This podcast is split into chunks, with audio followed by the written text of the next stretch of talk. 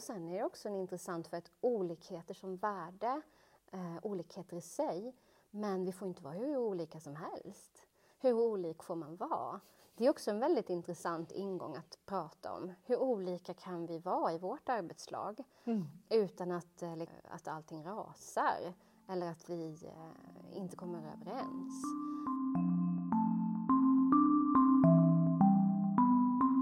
Da ønsker jeg velkommen til nok en episode i podkasten 'Perspektiver på barnehagefaglige fenomener'. Og den første gangen bare med meg. Øystein han er ikke på denne konferansen som jeg er på nå, for nå er jeg nemlig i Vaggeryd kommune, i Skillingaryd, og her er jeg på Remida-konferanse. Eh, en tre dagers konferanse om gjenbruk, bærekraft og materialer. Alt i Reggio Emilias pedagogiske filosofi sin ånd. I dag så har jeg eh, Linda Linder i studio. Og Linda hun er eh, førskolelærer og atlerista. Kan ikke du begynne med å fortelle hva en atlerista är, eh, Linda? Ja du, den frågan ställer jag mig själv faktiskt ofta. För jag tycker att man behöver göra det. Mm. Um, I grund och botten är det så att ateljista-rollen kommer från Reggio Emilia. Uh, där Loris Malaguzzi uh, plockade in aktiva konstnärer i det pedagogiska arbetet som inte hade en pedagogisk utbildning utan som jobbade med sina konstuttryck tillsammans med barn och pedagoger. Så eh, därifrån liksom kommer yrkeskategorien och i Sverige så har vi sen tolkat det på våra olika sätt, så precis som det ska vara. Så i Sverige kan ateljeister arbeta i barngrupp, i ateljéer på förskolor. De kan arbeta som, eh, mer som utvecklingsledare, som fortbildar personal. De kan arbeta på, eh, precis som vi har pratat om idag, återbrukscenter, Remida-platser. De kan ha ateljéer utanför förskolorna dit barnen kommer, så det är väldigt olika hur det ser ut. Men jag jobbar som ateljista eh, på en gemensam ateljé och en återbruksplats som heter Tredje rummet som ligger i Floda strax utanför Göteborg. Du driver en eh, väldigt gott besökt blogg här i Sverige som heter Pedagogiske kullarbytten. Bytten. Mm. Kullarbytten. Och så har du varit redaktör för boka 'Pedagogisk miljö i tanke och handling', som nyligen kom med nytt opplag och flera artiklar. Eh, jag vet också att du har en stor intresse för materialer och eh, miljöfrågor som man säger på svensk. Miljöspörsmål. Då våra lyssnare inte nödvändigtvis har hört bloggen din, lurar jag på om du kan börja å lite om bloggen? och varför du startat upp och vad betyder egentligen pedagogiska kullarbytter?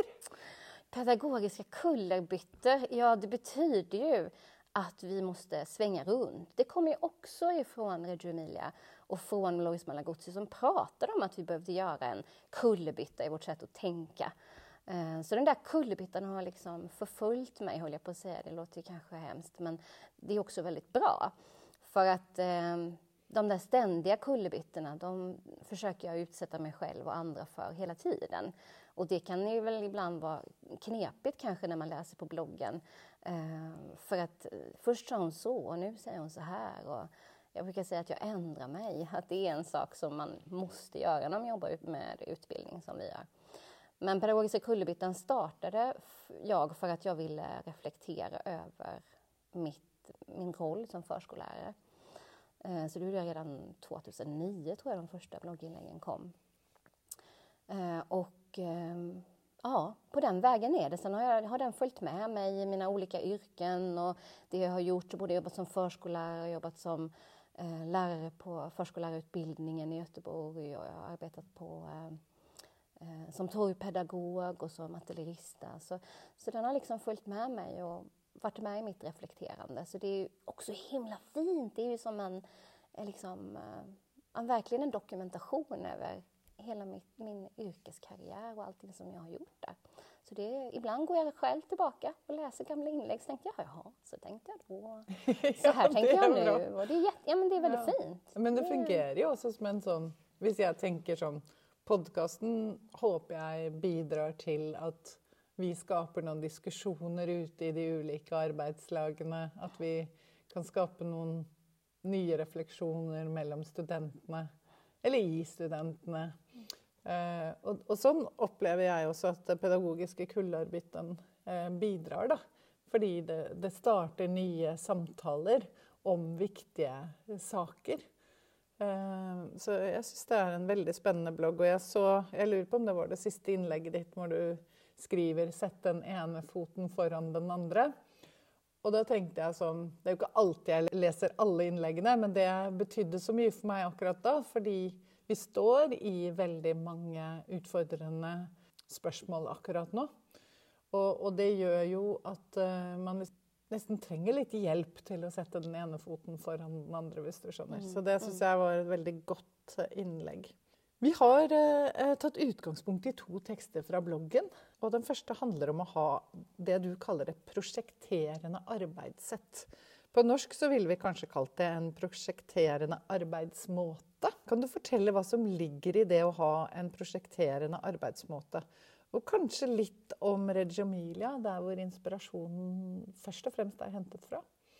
Ja, jag började ju arbeta Reggio Emilia-inspirerat direkt när jag kom liksom ut från min eh, lärarutbildning och kom till ett område i norra Göteborg som hade varit i relation med eh, Basreggiano och Reggio Emilia i många år när jag kom dit.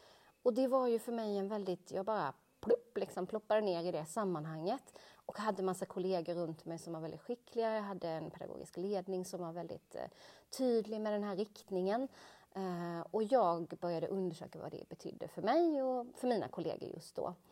Först försökte jag nog liksom lokalisera ett visst sätt att arbeta på, en metod att göra liksom, så här och så här. Jag förstod att den där eh, samlingen eller mötet på morgonen med, tillsammans med barnen, att fundera på vad vi har gjort och vad ska vi göra, att titta djupare genom dokumentation, att det var viktiga delar av det projekterande arbetssättet. Men jag kunde liksom inte riktigt greppa den här processen som kanske är det största med det projekterande arbetssättet. Att leta efter, söka och spåra processen, mm. det som händer mellan oss. Kan du si det en gång till, lite saktare? Ja, leta att leta efter, efter mm. söka efter, spåra mm. eh, processen. Mm. Och för mig är det projekterande arbetet nu en eh, eh, som en eh, fram och tillbaka-rörelse mellan eh, att göra och att tänka. Mm. Och att inte bara tänka, eller inte bara göra, utan hela tiden gå i görandet och så tänka om görandet och så i görandet och fram och tillbaka så här. Och det blir väldigt tydligt eh, för mig hur viktig den processen är i allting som jag gör. För att jag kan inte bestämma så här, från A till B till C till D går vi. Utan jag måste säga så här, det här är A. Eh, vi gör det. Mm. Och sen vet vi inte vad B blir förrän vi har gjort A. Och, och att ha den liksom processen i sig hela tiden, det tror jag, för, det, för mig är det ett projekterande arbetssätt. Och drivkrafterna från Reggio Emilia kommer ju med den här nyfikenheten på vad som händer i mötet mellan oss. Eh, vad som händer i gruppen av människor. Hur de påverkar varandra, hur de delar idéer, hur de ser varandra och tänker.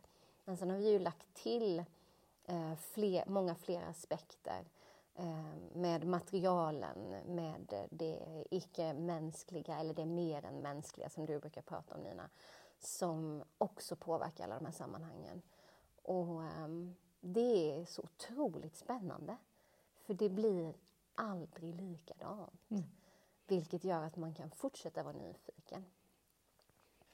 Pedagogisk dokumentation är ju också väldigt närt knyttet till denna måten att jobba på.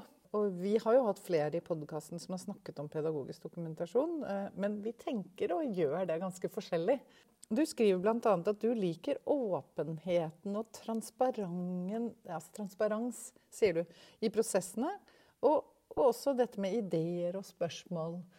Hva er det som du tenker gjør at pedagogisk dokumentasjon fører til akkurat det? Det har jag funderat på också. Jag, alltså, jag funderar just nu på vad dokument, pedagogisk dokumentation är mm. för mig och för oss i det sammanhanget som jag är i.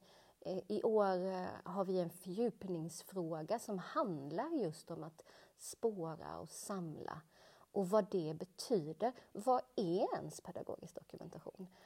Mm. Och för mig, när vi, om vi pratar om ett projekterande och vi hela tiden liksom letar efter spår och letar efter uttryck och tänker tillsammans om vad det är vi kan hålla på med, så behöver vi också dokumentera det på olika sätt. Det kan ju vara... Men det finns ju tusen och tusen sätt att dokumentera.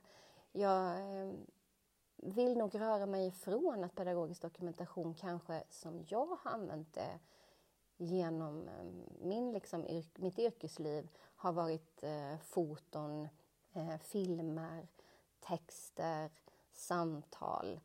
Eh, om jag skulle lägga bort det, vad skulle pedagogisk dokumentation vara då? Och sånt undrar jag över nu. Mm. Så att jag kan nog inte säga vad pedagogisk dokumentation är för mig. Jag vet vad det har varit, men jag vill hellre utforska vad det kan bli. Mm. Och just nu är jag i väldig relation av fysisk dokumentation, eh, fysiska väggar med la små lappar, med eh, material, med eh, barnens skisser, med alltså rådokumentationen, den som mm. inte är bearbetad, den som åker upp och ner, den som ja, man samlar den kanske i en låda till och med.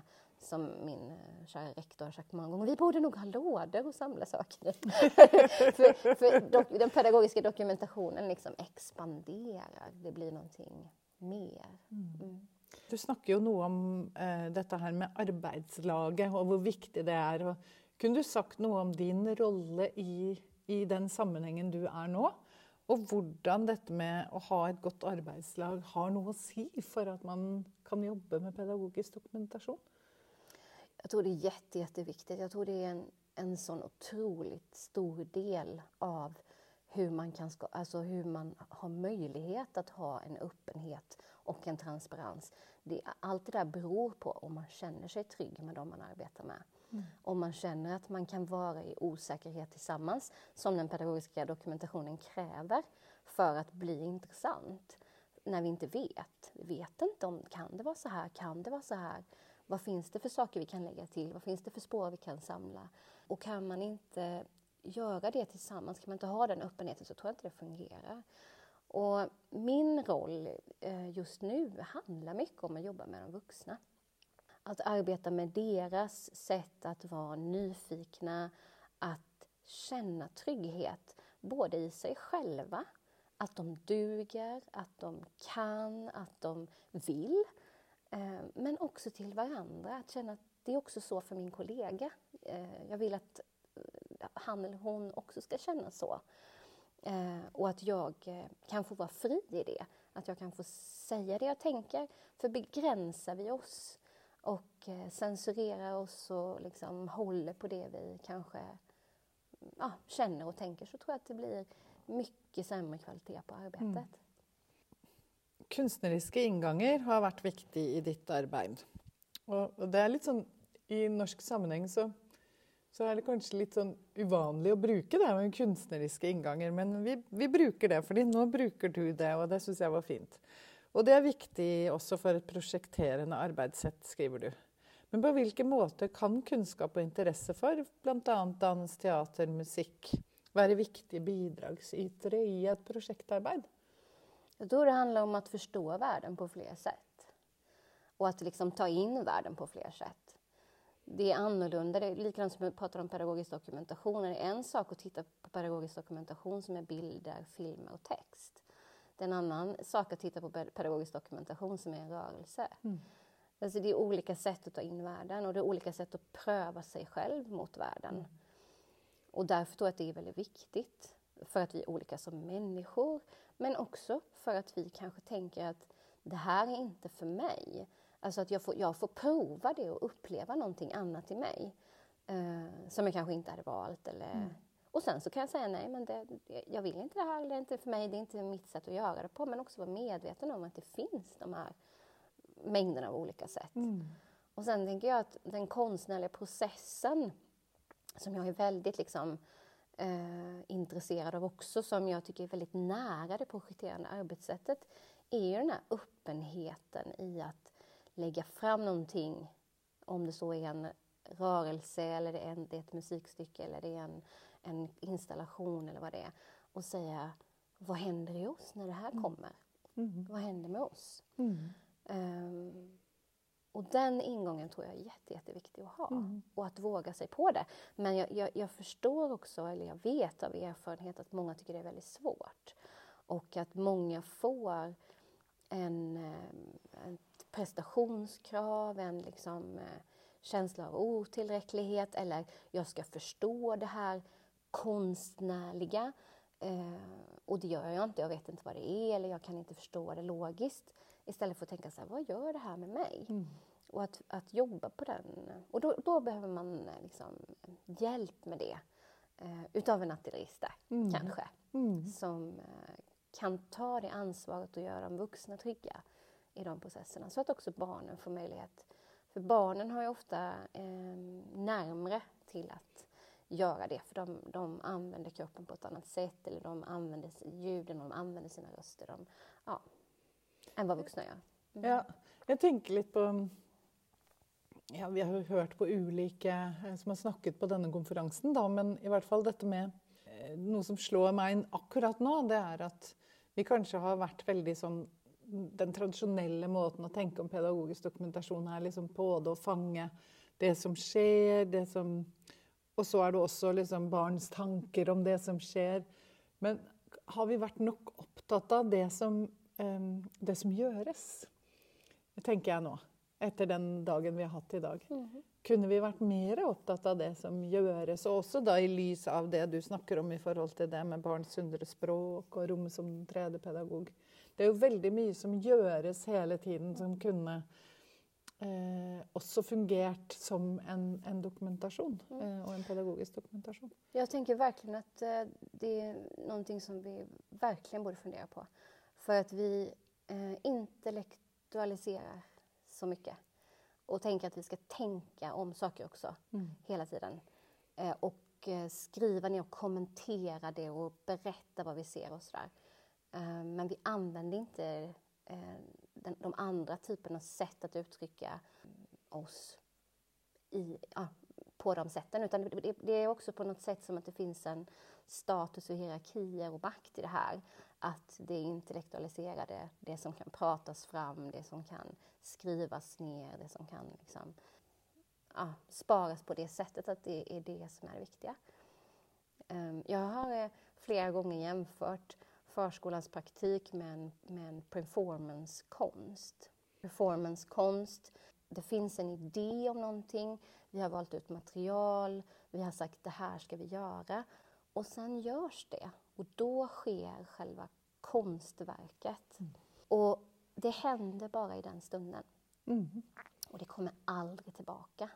Du kan göra samma sak igen, men det blir aldrig som i den stunden. Och då har jag jämfört liksom förskolans arbete i de här situationerna. Det behöver inte vara bara förskolan, det kan vara när jag undervisar på ateljeristautbildningen till exempel i Göteborg eller när vi ses här i Vaggeryd och har en workshop. Det är en, en stund som händer. Vad skulle hända om vi, eh, ja men som du säger, börjar lägga ner mer eh, intresse liksom och tanke på, inte tanke, kanske känsla. Hur kändes det? Vad var det? Vad gick igång i dig? Vad hände i mig? Mm. Hur var det när vi möttes så här? Nei, men oi, som Karin sa. Exakt! altså, vi må kanskje jobbe litt mer med nei, men oi-situasjoner. i den- Altså, nå refererer jeg til Karin Hultmann, som holdt en, en forelesning i, i stad, hun s- beskriver da noe man oppdager sammen som pedagog og barn, og, og i det øyeblikket så kunne det vært stilt en masse intellektuelle frågor, spørsmål, men eh, pedagogen velger å la være. Eh, og, og bare er i det øyeblikket. Eh, og, og det kan vi kalle et neimen oi-øyeblikk, øyeblikk, eh, som vi kanskje kan bli bedre på å, å være i. Mm. I den andre teksten vi skal snakke om, så er du opptatt av selvrefleksjon. Eh, og dette ser jeg avstemmer veldig med en av de siste episodene i podkasten vår, episode 29 med Jostein Paulgaard Østmoen. Han snakker om profesjonsidentitet, profesjonelt ansvar og ikke minst om alle disse programmene som er på vei eller allerede er i, i barnehagene våre, i førskolene våre. Men hva legger du i, i dette begrepet selvrefleksjon, og, og, hvorfor er det viktig å jobbe med sin selvrefleksjon som førskolelærer, barnehagelærer til dere, eh, som en del av ett arbetslag? Själv, alltså, du kommer aldrig undan dig själv. Du har alltid dig själv med dig överallt. Alltså vi var väldigt upptagna ett tag om att prata om prof den professionella, det privata, eh, det personliga. Liksom. Var ska vi dra våra gränser? Hur ska vi göra? Men du kommer aldrig ifrån dig själv. Har du inte koll på dig själv så kommer det spiller alltid över i allting som du gör. Fastän du tror att du nu är professionell på det här sättet men det är fortfarande någonting som du tolkar utifrån vad du tänker är professionellt. Så att du, du, eh, du slipper aldrig från dig själv och därför måste du vara i kontakt med dig själv. Och det måste du vara liksom på det, både på det privata, personliga och professionella planet. Så att du förstår hur du blir i olika situationer. Och om du inte, alltså, och det handlar också om din personliga utveckling. Både som person och i ditt yrke, liksom, men också där i mellanrummen. För var tar någonting slut och var börjar det? Det är väldigt, väldigt svårt att, att veta. Och jag tänker att det är också, om du tänker på det så är det väldigt, väldigt svårt att skilja det ifrån varandra. Så därför behöver du din självreflektion. Du behöver kunna titta på dig själv, höra, lyssna på dig själv. Du behöver veta varför du reagerar på de sätt du gör. Du behöver det och det behöver vara en ständigt pågående process. De vuxna måste jobba med sig själva. Vi har pratat mycket om att man måste jobba med sitt förhållningssätt och så vidare. Ja, men det är också hur du gör, hur precis du gör. För du och jag kan inte ha samma förhållningssätt 100 procent. Det går liksom aldrig. Utan du kommer alltid vara Nina och jag kommer mm. alltid vara Linda. Men hur är vi det då? Hur blir vi medvetna? Jag tror mycket mer på medvetenheten om hur jag gör. Ja, for du, du, snakker om dette med å skape et åpent klima i ett arbetslag och arbeta med å verdsette ulikhet. Eh, och og, da la jag till ulikhet som verdi. Det är noe av det som festet sig väldigt tidigt hos mig när vi gikk i gang med det å, å lære mer om Reggio Emilias pedagogiske filosofi. Det er jo nettopp det at de verdsetter ulikhet, forskjellighet, som, som en egen verdi. Så hvordan kan man skape et åpent klima om nettopp dette her med ulikheten som verdi och självreflektion. Ja, man måste göra det. Man måste göra hela tiden. Eh, man måste fråga sig själv vad det betyder. Och sen är det också intressant för att olikheter som värde, eh, olikheter i sig, men vi får inte vara hur olika som helst. Hur olik får man vara? Det är också en väldigt intressant ingång att prata om. Hur olika kan vi vara i vårt arbetslag mm. utan att, eh, att allting rasar eller att vi eh, inte kommer överens? Eh, och, sen så, och då menar jag inte att vi, kommer, vi kan ha olika åsikter om saker, vi kan diskutera det och så vidare. Men vi måste ju också kunna jobba ihop. Så vissa saker måste vi liksom vara lika i och tänka mm. lika om. Men sen så måste vi också våga pröva olika saker. Um, du vill göra så här, jag vill göra så här. Ja, men vi, nu, nu prövar vi på Ninas idé här. Nu, nu ser vi vad det leder. Och så ger vi saker en ärlig chans också. Vi kan inte bara pröva någons idé och så tänka att ja, nu kommer det gå åt skogen här med Ninas. För det visste jag redan sedan innan, för vi kan inte göra så som hon har tänkt. Utan vi måste ju ge, det en, ja. ge saker en ärlig chans. Och, och, och genom att um, förstå att det är så pass komplext det vi gör, så att det finns tusen och tusen olika sätt som vi skulle kunna göra det på. Mm. Jag tror att det är den första grejen, att öppna upp för det. Mm. Att det finns så många olika sätt att göra det på. Då måste man ju jobba igen med sig själv och tänka så här, ja mitt sätt är ett sätt, men Nina sätt också ett sätt och Stina sätt och Kalle sätt. Här. Mm. Ja. Och, och, att jobba med det. Och, och då, och då kräver, krävs det ju liksom tid. Det krävs, eh, alltså det, det krävs tid bara på det sättet att vi jobbar tillsammans en längre tid.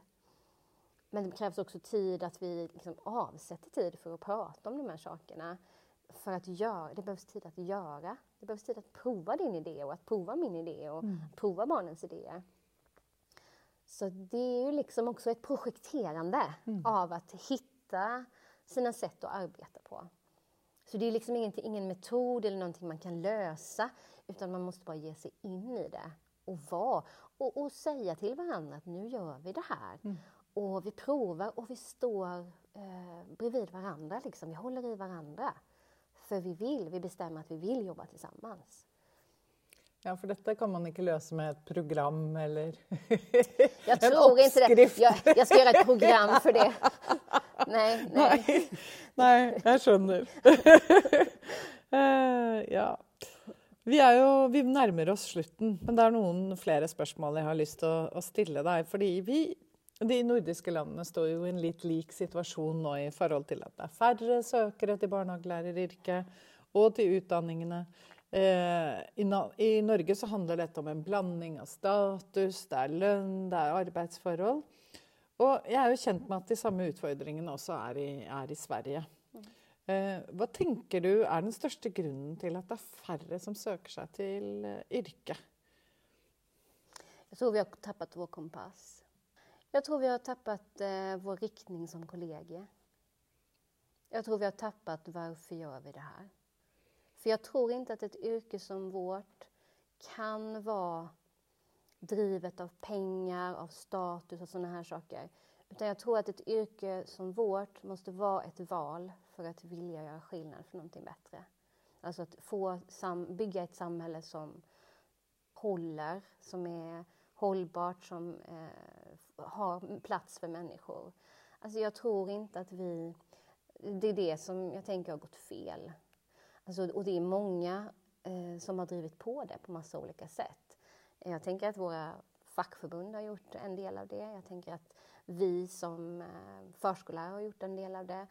Eh, jag pratade med min kollega eh, för ett tag sedan och så sa han att det är intressant sa han, att vi, vi som, liksom, yrkeskår har velat ha högre status och då har vi teoretiserat allting istället för att höja statusen av det som vi verkligen liksom arbetar med.